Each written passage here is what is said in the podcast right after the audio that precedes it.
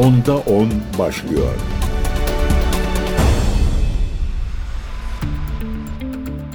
Değerli CGTN Türk takipçileri ben Gökün Göçmen Onda 10 programına hoş geldiniz. Gündem İsrail'in Gazze'ye saldırıları ve bir Filistin devleti kurulacak mı tartışmaları. Malumunuz bir süredir Suudi Arabistan İsrail ile ilişki kurmasının karşılığında bir Filistin devletinin kurulmasını şart koşuyor. Diğer taraftan da ABD basınında yer alan bilgilere göre Biden yönetimi bir Filistin devletinin tanınmasına hiç olmadığı kadar yakın. Çünkü Amerika Birleşik Devletleri malumunuz Orta Doğu'da yeni bir güvenlik dizaynı içerisinde bu dizaynı tamamladıktan sonra yani Körfez ve İsrail ülke İsrail'i barıştırdıktan sonra kısa vadede Rusya'ya uzun vadede Çin'e odaklanmak istiyor. Dolayısıyla bir Filistin devletinin kurulmasına e, yakın. Ancak bu Filistin devleti nasıl bir devlet olacak? İşte asıl anlaşmazlık noktalarından bir tanesi bu. Çünkü Biden yönetimine göre e, kurulması ve tanınması beklenen Filistin aslında bir devlet olarak tanımlanamayacak biçimde dizayn ediliyor. Nasıl mı? Biden yönetimine göre Filistin'in bir ordusu olmayacak. E, ordusu olmayan yani güç kullanma tekelini elinde bulundurmayan bir Filistin'e devlet denilebilir mi?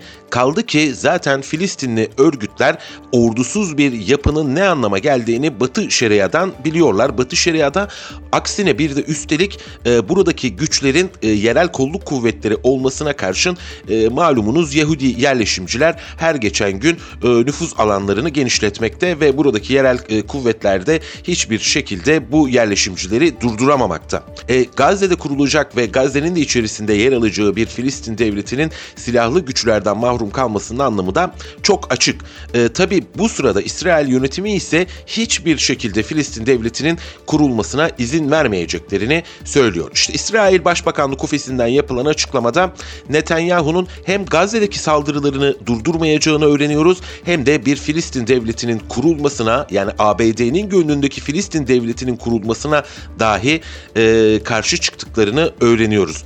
İsrail Başbakanlık ofisinden yapılan açıklamaya göre Netanyahu yaklaşık 5 aydır yürüttükleri diplomatik kampanyayla Gazze'deki askerlere hareket özgürlüğü sağladıklarını ve bu dönemde hedeflerini gerçekleştirmeden savaşı durdurmaları için yoğun bir uluslararası baskıyla karşı karşıya kaldıklarını söyledi. Son dönemde İsrail'in varlığını tehlikeye atacak bağımsız bir Filistin devletinin tek taraflı kurulması biçiminde yeni bir girişimle karşı karşıya olduklarını kaydeden Netanyahu, Filistin devletinin uluslararası alanda tek taraflı tanınmasına karşı hükümetin oy birliğiyle kabul ettiği kararı meclise sunacaklarını söyledi. Netanyahu, İsrail'in işgal ettiği topraklardaki kontrolünü sürdüreceğini ve kalıcı bir çözüm olsun veya olmasın Gazze şeridi ve Batı Şeria'da, Şeria'yı da içine alan Ürdün Nehri'nin batısındaki topraklarda İsrail'in güvenlik ve kontrolü elinde tutmaya devam edeceğini belirtti. Uluslararası toplumun Filistin devletinin tek taraflı olarak tanınması dayatmasına karşı tüm Siyonist partilere bu yasa teklifine karşı harekete geçmeye çağıran Netanyahu, bunun dünyaya Filistin devletinin kurulması girişimine karşı İsrail'de görüş birliğini yansıtacağını söyledi. Netanyahu 10 yıllardır Filistin devletinin kurulmasını da kendisinin engellediğini ileri sürdü. Çok da matah bir şeymiş gibi Netanyahu aynı zamanda tabii iç siyaseti, iç kamuoyuna da oynuyor ve tüm Siyonist partilere kendi ifadesiyle bu tüm Siyonist partilere çağrı yapıyorum. Gelin Filistin devletinin kurulmasına karşı birleşelim diyor. Aynı zamanda da işgali ve tehcir politikasını devam ettireceğini sinyalini veriyor. Tam zafere kadar ayrılmayacağız ifadelerini kullanıyor. Kalıcı çözüme ilişkin hükümet içinde farklı görüşler bulunmasına rağmen söz konusu beyan niteliğindeki kararın tüm hükümet üyelerinin oy birliğiyle alındığını kaydeden Netanyahu, İsrail'in böylesi hayati bir konuda uluslararası diktaya teslim olmaması gerektiği konusunda hepimiz hemfikiriz ifadelerini kullandı. İsrail hükümeti efendim 18 Şubat pazar günü haftalık kabine toplantısında Filistin devletinin uluslararası toplumca tanınmasına karşı bir karar almıştı. Uluslararası topluma karşı tek taraflı bir karar alıyor İsrail hükümeti daha Filistin devleti ortaya çıkmadan. Karar metninde İsrail'in Filistinlilerle kalıcı bir çözümün uluslararası diktalarla yapılmasına kesinlikle itiraz edildiği, çözüme ulaşılacaksa bunun ancak taraflar arasında ön koşulsuz direkt müzakerelerle olması gerektiği ifade edilmişti. İsrail diyor ki e, Filistin'e sen diyor uluslararası toplumu arkana alma bakalım diyor. E, tek başına gel masaya otur. E, savaştan sonra bir de benim savaşımdan sonra ondan sonra konuşalım bakalım devlet kur, kurar mısın kuramaz mısın diye. Ayrıca İsrail'in Filistin devletinin tek taraflı tanınmasına karşı çıkmaya devam edeceği, Filistin devletinin tanınmasının 7 Ekim'de İsrail'e düzenlenen saldırının muazzam ve eşi görülmemiş bir ödüllendirilmesi olacağı ve bunun gelecekteki herhangi bir barış anlaşmasının önünü kapatacağı da aktarılmış. Ee, Amerika Birleşik Devletleri Dışişleri Bakanı Antony Blinken hafta sonu Münih Güvenlik Konferansı'nda yaptığı konuşmasında Filistin devletinin kurulmasına her zamankinden daha çok ihtiyaç duyulduğunu, İsrail'in Filistin'le barışı tesis etmek için çok büyük fırsatlara sahip olduğunu söylemişti. Bahsettiğim üzere Amerika Birleşik Devletleri'nin de gönlünde bir Filistin devleti var ama bu devlet ordusuz bir devlet olacak. İşte e, teknokratlar e, yönetebilir muhtemelen e, kafalarındaki planlardan bir tanesi budur. E, Hamas'ı e, hiçbir şekilde Filistin'in geleceğinde yer vermiyorlar. E, dolayısıyla bu devlet tartışmaları uzar gider ancak İsrail'in kategorik e, duruşu, karşı çıkışı e, bir halkın devletsiz kalmasına bu kadar canı gönülden, yürekten e, inanması ve bunun için savaşı göze alması da gerçekten kayda değer.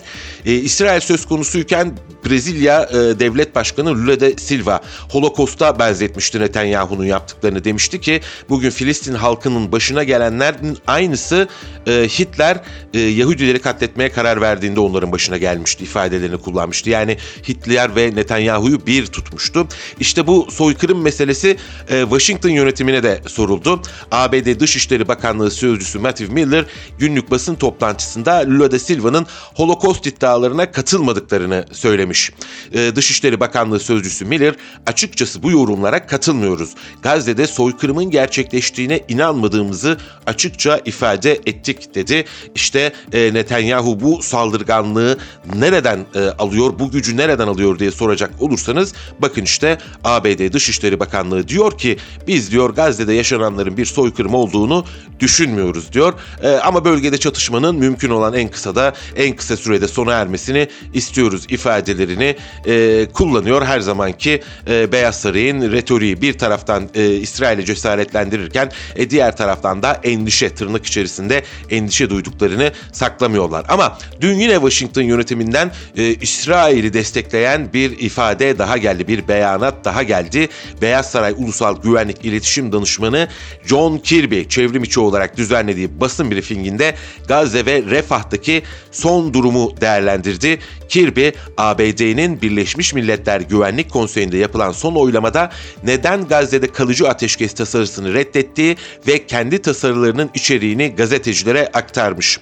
ABD yönetimi olarak Gazze'de henüz kalıcı ateşkesin zamanının gelmediğine inanıyormuş efendim Amerika Birleşik Devletleri. Ne zaman buna inanacak? Herhalde son Filistinli hayatını kaybettiği zaman Amerika Birleşik Devletleri diyecek ki işte şimdi kalıcı ateşkesin zamanı geldi diyecek herhalde.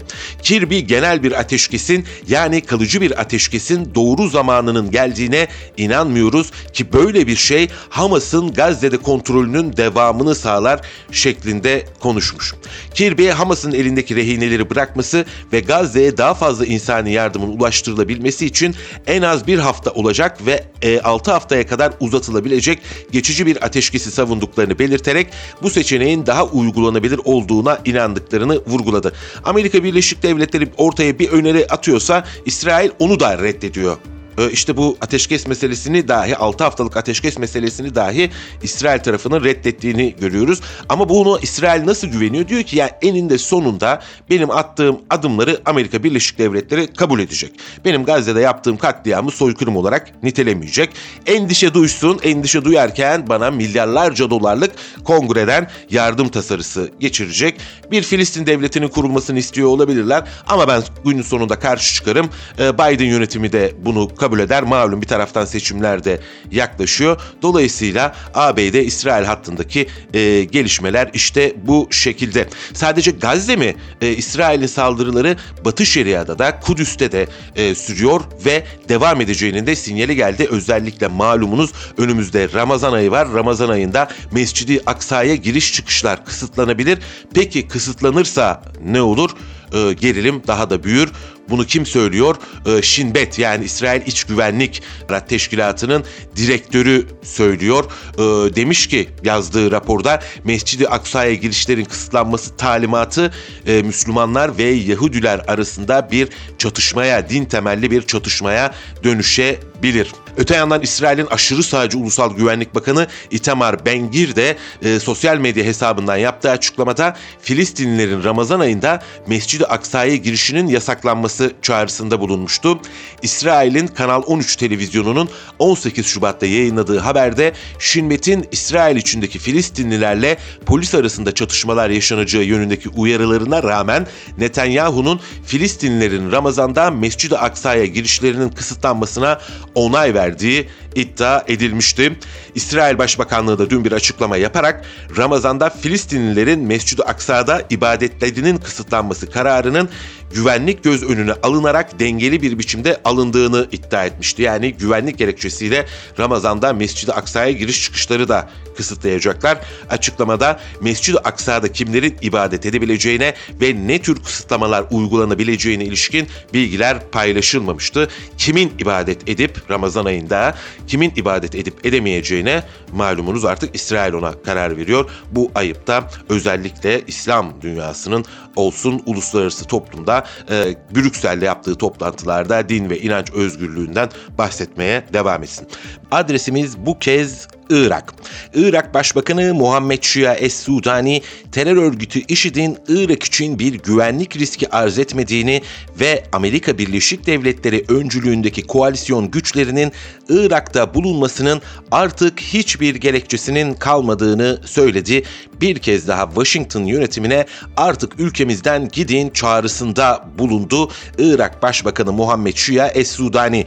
Irak parlamentosu da daha önce yaptığı açıklamalarda defalarca kez açıklama yaptı, çağrılarda bulundu. ABD'nin ülkeyi terk etmesini istedi ama deyim yerinde ise Washington yönetimi kulağının üstüne yatarak bu çağrıları duymazdan geliyor. Irak 25 Ocak'ta terör örgütü IŞİD'e karşı ABD öncülüğünde kurulan koalisyonun askeri misyonunun sona ermesi ve koalisyon danışmanlarının kademeli olarak azaltılması için takvim oluşturma konusunda ABD yönetimiyle anlaşmaya varıldığını duyurmuştu. Irak Dışişleri Bakanlığı ABD ve Irak hükümetleri arasında Ağustos 2023'ten bu yana devam eden müzakere turlarının başarıyla sonuçlandığını belirtmişti. Irak'ta ABD öncülüğündeki koalisyon güçlerine ait müsteşarların bulunduğu üsler e, zaman zaman direniş ekseni tarafından da e, hedef alınıyor. Bunu da kaydetmiş olalım. İşte Irak'tan bir kez daha çağrı geldi. E, Bağdat yönetimi diyor ki biz Amerika Birleşik Devletleri ile anlaştık. Müzakereler başarıyla sonuçlandı. Ancak burada da bir farklılık var çünkü Pentagon'dan gelen açıklamalarda da ABD'nin bölgeden çekilmesinin gündeme gelmediğini, böyle bir sonucun takvime bağlanmadığı iddia ediliyordu. Bakalım nereye kadar bu gerilim tırmanacak? Özgürlükten bahseden, demokrasiden, halkın yönetiminden bahseden Amerika Birleşik Devletleri halkın temsilcilerinin yer aldığı parlamentonun çağrılarına kulak tıkamaya devam ediyor. Böyle bir tablonun içerisindeyiz. Orta Doğu ile devam edelim. Bu kez adresimiz Yemen olsun. Ee, Suudi Arabistan Yemen'deki en önemli güçlerden bir tanesi. Öyle ki Yemen zaten üçe bölünmüş durumda. Bir tarafta Husiler artık onları daha sıklıkla konuşuyoruz. Diğer tarafta Birleşik Arap Emirlikleri'ne yakın Güney hükümeti ve Suudi Arabistan hattı boyunca uzanan da bir şer'i hükümet, merkez hükümet denilen bir nokta var. Suudi Arabistan başından bu yana Yemen krizinin bir tarafı olmuştu. Hatta İran ve Suudi Arabistan arasındaki e, barıştan evvel malumunuz Çin barıştırmıştı bu iki ülkeyi. Diplomatik normalleşmeyi sağlamıştı.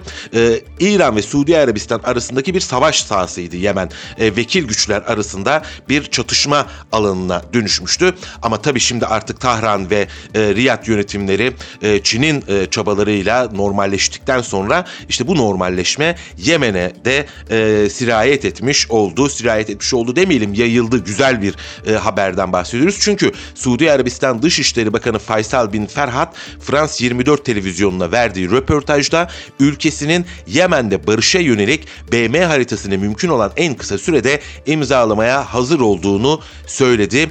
E, Ferhan Sana ile müzakerelerin bir yol haritasını tamamlamaya ve barışa doğru ilerlemeye yakın olduklarına dikkat çekti. Sana'dan kasıt yani Husiler, Husiler kastediliyor. Sana başkent olarak e, Husilerin elinde. E, Bin Ferhan Yemen'in İsrail'e bağlı gemilere yönelik operasyonları sonucunda Kızıldeniz'de yaşanan gerginlik nedeniyle Yemen'deki barış müzakerelerinin durdurulduğu yönündeki Amerikan iddialarını da yalanladı. Bin Ferhan yaklaşık iki yıl önce Riyad Sana müzakerelerinin, müzakerelerinin başlamasından bu yana ilk olan açıklamaları Kızıldeniz'deki çatışmaların tırmanmasının arifesinde geldi ki bu nokta da önemli. Yani Suudi Arabistan Husilerin saldırılarına karşın hayır diyor biz Suudilerle e, Husilerle özür dilerim görüşmeye devam etmeye hazırız diyor. Bu nokta oldukça önemli. Yemen'in İngiltere ve Amerika'yı Yemen'e düşman ülkeler listesine alması ve en önemli nakliye rotalarında düşman gemilerine yönelik saldırıları yoğunlaştırması dikkat çekiyor. Husileri tekrar terör örgütü listesine eklemişti. İşte Suudi Arabistan'ın bu çıkışı aynı zamanda Washington'u da sert bir mesaj olsa gerek efendim. Devam edelim Orta Doğu turumuza. Bu kez New York Times gazetesinden sizlere bir haber aktaralım. İran'a yönelik yaptırımları hangi şirketler nasıl deliyor haberi bu. ABD'nin önde gelen gazetelerinden New York Times yaptığı araştırmada ABD merkezli sigorta şirketi American Club tarafından mali sorumluluk sigortası almış 27 tankerin İran'a yönelik yaptırımları deldiğini belirledi. New York Times'tan araştırmacılar American Club tarafından sigortalanmış gemilerin sevkiyatını incelemek için denizcilik verilerini ve uydu görüntülerini kullanarak bir veri tabanı oluşturdu.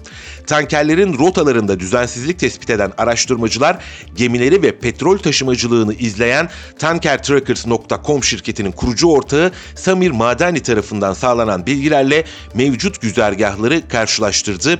Gemilerin konumlarını gizlemek için sahte konumlar oluşturan spoofing adlı uygulamayı kullandıklarını tespit eden araştırmacılar Ağustos 2023'te Glory adlı tankerde gerçekte İran'ın Asulya kentinde petrol yüklenirken tankerin konumunun Birleşik Arap Emirlikleri açıklarında göründüğünü belirledi.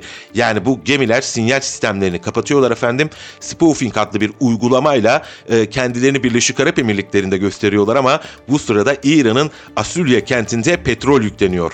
Bu bağlamda American Club tarafından sigortalanmış 27 tankerin 2023'ten bu yana yaptığı 59 seferde yaklaşık 59 milyon varil petrol taşıdığı, bunun da yaklaşık 2.8 milyar dolar değerinde olduğu tahmin ediliyor. Küresel ticareti izleyen bir şirket olan Kipler'in tahminlerine göre tankerlerin taşıdığı petrol İran'ın o dönemdeki petrol ihracatının yaklaşık %9'una tekabül etmekte. Tankerlerin birçoğunun ABD yaptırımları altındaki diğer ülkelerden petrol alma geçmişi de bulunmaktaymış. New York Times gazetesindeki araştırmacıların analizine göre bu tankerlerden 8'i İran petrolünü taşımadan önce de yaptırımlara tabi olan Venezuela petrollerini yüklenmişler ve konumlarını gizleyerek ticarete aracılık etmişler efendim. Yaptırım altında olan bu ülke, e, ülkelere dönük bir çabadan bahsediyoruz. Bir adımdan bahsediyoruz. Elbette American Club tankerleri ticaretine parasına bakıyor ama günün sonunda da e, İran gibi Venezuela gibi ülkeler petrolünü dışarı çıkartma e, şansını elde ediyorlar.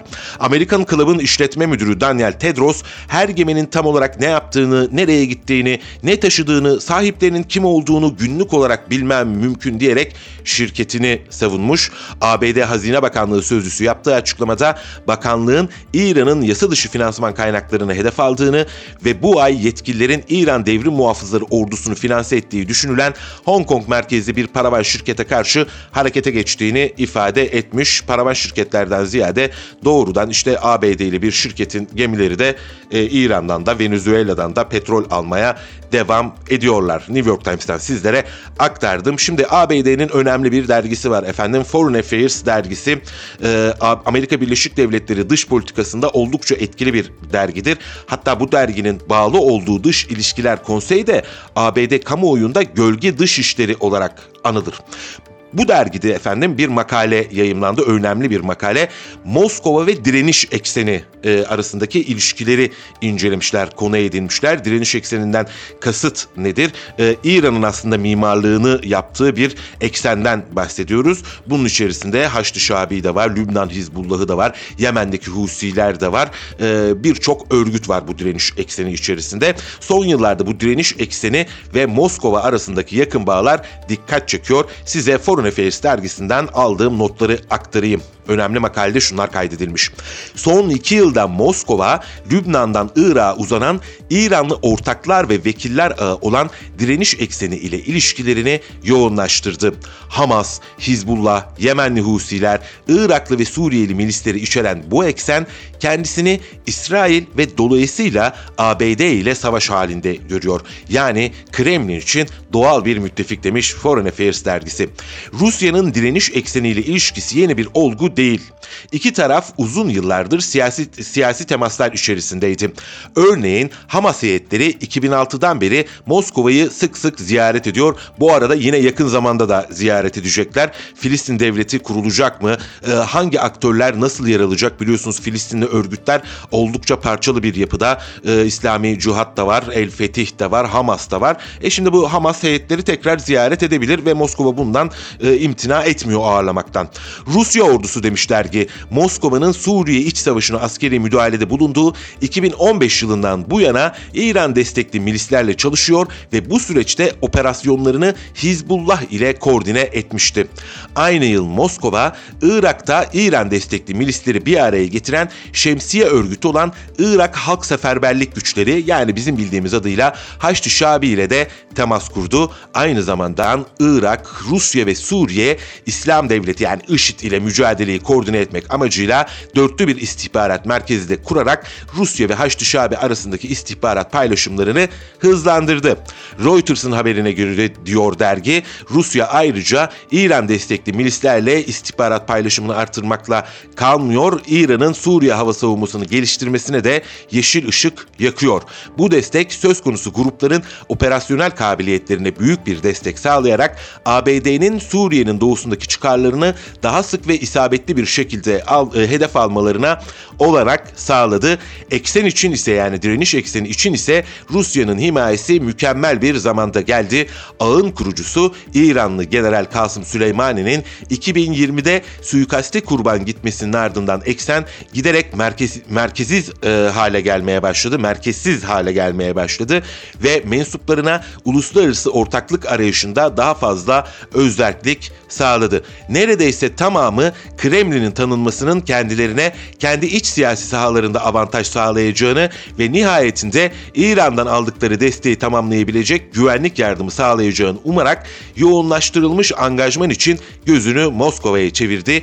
Bu erişimde Rusya'ya daha geniş bir bölgesel ortak seçeneği sundu diyor Foreign Affairs'in dergisinde. Yani özetle kaydedilen şu iki tarafta birbirine tam olarak ihtiyaç duydukları dönemde buluştular.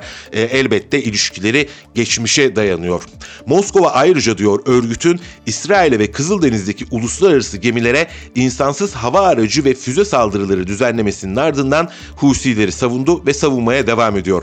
Rus diplomatlar da Husilerin şiddet eylemlerinden ABD'yi sorumlu tutarak saldırıların aslında Gazze'de ABD destekli İsrail katliamı olarak nitelendirdikleri hadiselerden kaynaklandığını savundular. E, zaten olan da bu. Husiler durup dururken mi e, gemileri hedef almaya başladı? Hayır 7 Ekim'in ardından ortaya çıkan tablo neticesinde Husiler harekete geçti. Foreign Affairs'te sanki bu bir suçmuş gibi aktarılıyor. Ee, özet olarak deniyor ki direniş ekseni Hamas, Hizbullah, Husiler giderek Moskova ile daha yakın temas halindeler. Ee, devam edelim o halde. Rusya demişken Rusya bakalım neler yapıyor. Sadece Orta Doğu'da değil Latin Amerika'da da çok etkin bir ülkeden bahsediyoruz. Rusya Dışişleri Bakanı Sergey Lavrov Latin Amerika ülkelerini kapsayan ziyaretine Küba'da başladı ve burada Kübalı mevkidaşı Bruno Rodriguez ve devlet başkanı Kanal ile görüşmelerde bulundu. Lavrov'un ziyaret programı Havana ziyaretlerinde her zaman olduğu gibi Küba'nın İspanya'dan Kurtuluş Hareketi'nin lideri Jose Marti'nin devrim meydanındaki anıtına çiçek çiçek bırakmasıyla başladı. Bakan Bağımsızlık Savaşı'nın ulusal kahramanlığına saygılarını sunduktan sonra Dışişleri Bakanı Bruno Rodriguez ile görüşmek üzere yola çıktı. Lavrov Kübalı mevkidaşıyla yaptığı görüşmenin ardından düzenlediği basın toplantısında Küba bizim geleneksel ortağımız ve en önemli müttefiğimizdir. Rusya-Küba siyasi diyaloğunun her düzeyde son derece yapıcı ve yoğun bir şekilde sürdürülmesinden memnunuz dedi Lavrov. Küba Dışişleri Bakanlığı da görüşmelerin sonuçlarını aynı tonda değerlendirdi. Görüşme Küba ile Rusya arasındaki mükemmel ilişkilerin bir yansımasıdır ifadelerini kullandı. Yeni toplantıdan ve Havana'yı bir kez daha ziyaret etme fırsatından dolayı son derece memnunum diyen Lavrov her iki tarafın da düzenli temaslardan katma değerler elde ettiğini belirtti ve bir sonraki toplantının bu yıl Rusya topraklarında yapılmasını umduğunu söyledi Lavrov. ABD'nin Küba'ya yönelik yasa dışı ticari, iktisadi ve mali ablukasını güçlü bir şekilde kınayarak tutumumuzu teyit ettik değerlendirmesi yapan Lavrov, Moskova'nın bu utanç verici uygulamaya derhal son verilmesinden ve Küba'nın ABD'nin sözde terörün devlet sponsorları listesinden çıkarılmasından yana olduğunu söyledi. Küba Dışişleri Bakanlığı'ndan yapılan açıklamaya göre Bruno Rodriguez, Rus mevkidaşına Küba tarafıyla dayanışmasından dolayı teşekkürler sundu efendim. Lavrov ülkesinin Küba'ya 2024 yılında petrol ve petrol ürünü alımı için iki kredi verdiğinin de altını çizdi bu ziyarette. Bakan son dönemde ticari ve iktisadi işbirliğimizin yasal çerçevesi Rus yatırımcıların Küba ekonomisine daha aktif bir şekilde yatırım yapmaları için ek teşviklerin oluşturulması da dahil olmak üzere önemli ölçüde güçlendirildi, tamamlandı ve geliştirildi. Yakıtla ilgili olarak bu yıl iki özel kredi verildi diye konuştu. Bununla beraber Lavrov Küba ziyaretini takriben Venezuela'ya da geçecek. Bunu da TASS haber ajansından öğreniyoruz. Rusya Dışişleri Bakanlığı Sözcüsü Maria Zaharova, Lavrov'un Venezuelalı mevkidaşı Ivan Gil Pinto ile görüşeceğini, ayrıca ülkenin devlet başkanı Nicolas Maduro ve yardımcısı Delcy Rodriguez ile de bir araya gelmesinin beklendiğini bildirdi. Zaharova'ya göre taraflar ikili stratejik ortaklığın mevcut durumunu ve gelişme perspektifini de ele almayı planlıyor. Bakan Venezuela'daki temaslarında uluslararası ve bölgesel gündemdeki kilit konuların yanı sıra Birleşmiş Milletler ve diğer çok taraflı platformlarda iki ülke arasındaki koordinasyonu ele alacaklar. Lavrov'un ziyareti öncesinde önemli açıklamalar geldi. Nicolas Maduro'dan ülkesinin bir xe katılacağını duyurdu Maduro. Maduro savaşlar, müdahaleler, soykırım ve üstünlük kompleksiyle eski sömürgeci dünyanın yerini BRICS ile yeni bir dünyanın aldığına ve bu dünyanın hala hazırda var olduğuna ve geri döndürülemez olduğuna dikkat çekti. BRICS genişlemeye devam ediyor malumunuz. İşte Suudi Arabistan'da katıldı, İran'da katıldı. E, Venezuela'da biz de katılacağız BRICS'e diyor. Çünkü BRICS hala hazırda dünyadaki gayri safi yurt içi hasılanın büyük bölümüne tekabül ediyor. Petrolün büyük bir bölümüne tekabül ediyor. Maduro da dedi ki gelişmekte olan dünyanın e, bir sinyalidir ve artık bu geri döndürülemez dedi. Bunun yanı sıra Lavrov'u ziyaretinde önemli bir mesaj ileteceği vurgusunu yapan Maduro, Ukrayna'da Amerika Birleşik Devletleri ve NATO tarafından başlatılan savaşı Rusya'nın kazandığını ve ülkenin ekonomik anlamda daha da güçlendiğini ifade etti.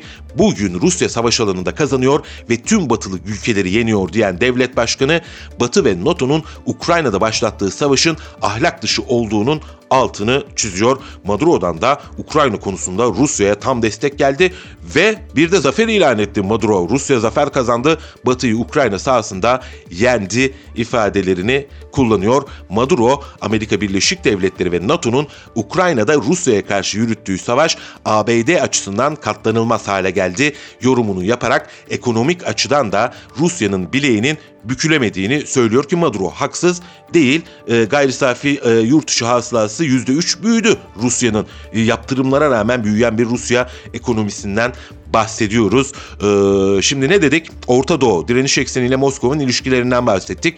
Lavrov Latin Amerika turunda Küba'nın ardından Venezuela'ya geçecek. Bir de Kore Demokratik Halk Cumhuriyeti var. Ee, bir Dışişleri Bakanı bir yetkili gitmedi ama bir hediye gönderdiler. Kime? Kore Demokratik Halk Cumhuriyeti'ne Türkiye'de bilindiği adıyla Kuzey Kore'ye.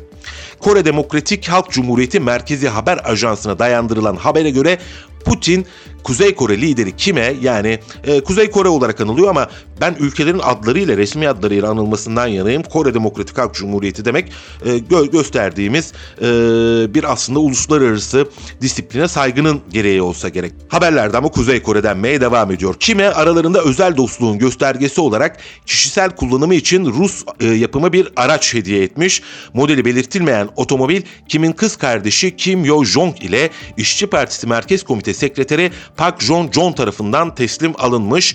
Kim hediyenin iki ülke arasındaki özel bağı sergilediğini de ifade etmiş. Aracın nasıl gönderildiği, nerede teslim edildiğine dair e, haberlere, detaylara rastlayamıyoruz efendim.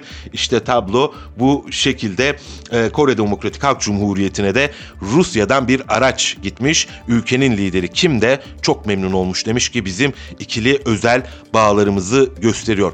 Bir de Rusya'nın içine bakalım. Rusya'nın içindeki gündem Navalny'nin ölümü. Navalny hayatını kaybetti biliyorsunuz. E, beyinde bir pıhtı atması neticesinde e, Amerika'ya göre, batılı ülkelere göre kendisine bir suikast düzenlendi. Navalny'nin eşi Yulia Navalny'nin dün yayımladığı görüntülerde eşinin ölümünden Putin'i e, sorumlu tuttuğu gözüküyor. Avrupa Birliği Dış İlişkiler ve Güvenlik Politikası Yüksek Temsilcisi Josep Borrell de şeffaf bir soruşturma istedi. Beyaz Saray Ulusal Güvenlik Danışmanı John Kirby de değerlendirmelerde bulundu. Yeni yaptırımlar uygulayacağız Navalny'nin ölümü dolayısıyla dedi.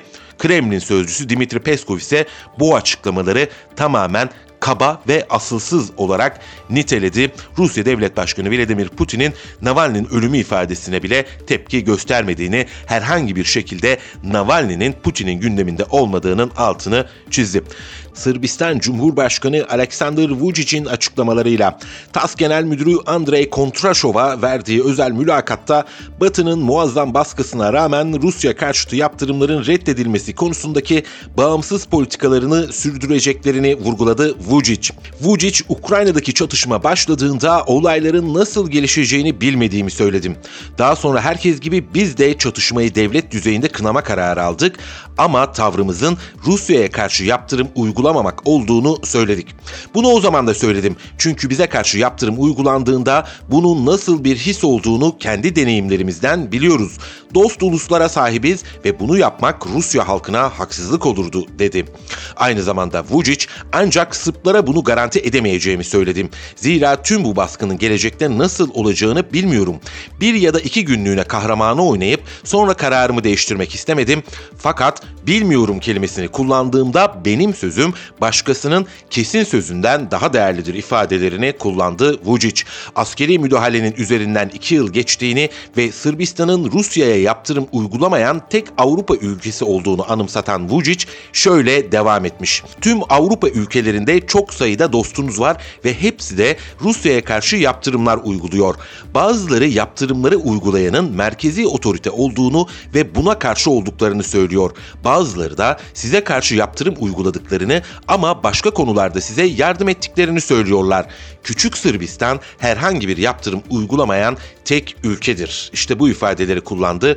Vucic katıldığı her uluslararası etkinlikte Rusya'ya karşı yaptırımların ana konu olduğunu dile getiren Sırbistan Cumhurbaşkanı göğsümüzü dövdüğümüz yok ama gördüğünüz üzere cevabım gelecekte de aynı olacak. Tavrımızı mümkün olduğunca uzun süre korumaya çalışacağız. Bunu hali hazırda iki yıldır yapabiliyoruz. Bunu yapmaya devam edecek miyiz bilmiyorum ama umarım devam ederiz diye ekledi. İşte Vucic'in açıklamaları bu şekilde.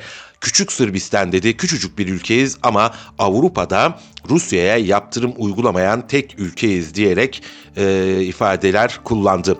Japonya'ya bir bakalım. Japonya'da neler oluyor? Japonya silahlanmaya doymuyor. Japonya hükümeti ulusal savunma harcamalarını güncellemeyi tartışıyormuş efendim. Uzmanlar heyeti başkanı Sakakibara Saduyaki açıklamasında artan maliyetler ve dövize karşı yenin değer kayıplarından savunma harcamaları planlamalarının olumsuz etkileneceğini savunmuş. 2023-2027 döneminde 43 trilyonluk yenlik savunma harcamalarını yetersiz olarak nitelendiren Saka Kibara, hükümetin bu limite odaklanması gerektiğini belirterek savunma harcamalarının dolar karşısında değer kaybetmemesi gerektiğinin altını çiziyor. Hedef ise 2022 2027'de gayri safi yurt içi hasılanın %2'si. Başbakan Kishida Fumio meclis oturumunda savunma ekipmanı fiyatlarında artış ve yerin değer kayıplarına rağmen harcama planının boyutunu korumaya hedeflediklerini söylemişti. Japonya hükümeti Aralık 2022'de ulusal güvenlik stratejisi, ulusal savunma esasları ve uzun vadeli savunma programı olmak üzere 3 doktrin ilan etmişti. Amerika Birleşik Devletleri'nin ittirmesiyle diyelim çünkü Amerika Birleşik Devletleri biliyorsunuz Japonya'yı Çin'e karşı silahlandırmak istiyor. Diğer taraftan da Japonya'yı NATO'nun toplantılarına davet ediyor. NATO'nun e, Japonya'da Tokyo'da irtibat ofisi açmasını istiyor. E, Güney Kore ile Japonya arasındaki ilişkileri e, düzenleyerek tekrar e, yoluna rayına koyarak bir askeri ittifak peşinde. Bu nedenle de e, Aralık 2022'de Japonya ulusal güvenlik stratejisi, ulusal savunma esasları ve uzun vadeli savunma programını ilan etmişti. Japonya e, silahı elinden alınmış bir ülkeydi 2. Dünya Savaşı'nın ardında. Şimdi zannediyorum dünyaya yaşa- yaşattığı felaketler artık unutulmuş olsa gerek ki tekrar Japonya üzerinden Amerika Birleşik Devletleri bir savaş makinesi kurmak istiyor. Asya ile Asya Pasifik'le devam edelim. Avustralya'ya bakalım. Avustralya donanmasını iki katına çıkarmak ve modernleştirmek üzere 7 milyar dolar bütçe ayıracağını duyurdu. Savunma Bakanlığı'ndan yapılan açıklamada donanmaya güncellenmiş hava savunma ve saldırı yetenekleri bulunan 3 Hobart sınıfı hava savunma muharibi dahil 26 su üstü muharip gemi alınacağı kaydediliyor.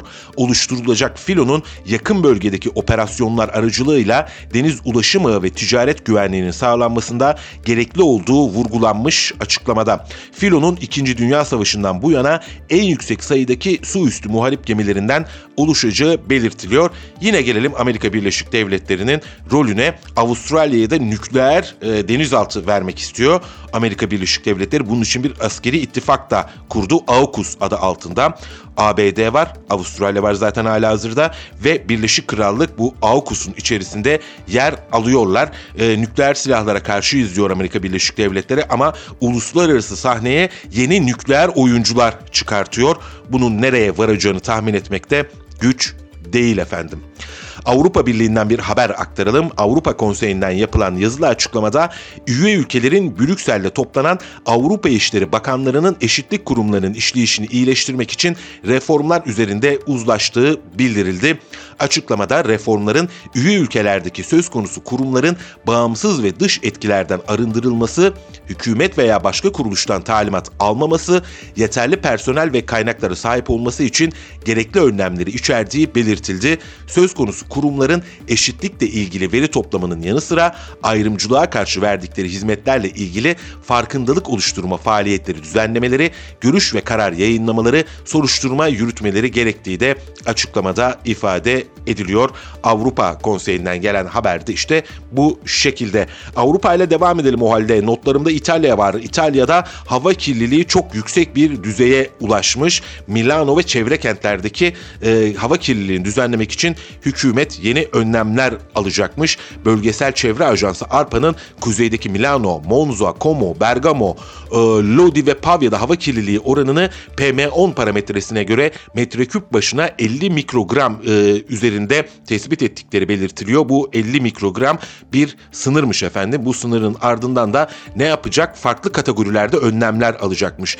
E, nüfusu 30 binin üzerinde olan belediyelerde hafta sonları Euro 0, Euro 1 kategorisi ile Euro 2, 3, 4 kategorilerindeki dizel yakıtlı araçların trafiğe çıkışı durdurulacak. Ev ve alışveriş merkezindeki ısıtmalar 19 derecenin üstüne çıkartılmayacak. Ayrıca açık havada ateş yakılamayacak. İtalya hava kirliliğiyle böyle mücadele edecekmiş. Bu arada yüksek hava kirliliği nedeniyle Milano'da çok sayıda kişinin Covid-19 salgını dönemindeki gibi dışarıya koruyucu yüz maskesi takarak çıkmaya başladığı da görüntülere, haberlere yansımış durumda. Hafta sonları dizel araçların trafiğe çıkması yasaklanacak. Ee, ısıtmalar, merkezi ısıtmalar 19 derecede sabitlenecek ve ateş mangal yapılamayacak İtalyanlara kötü bir haber.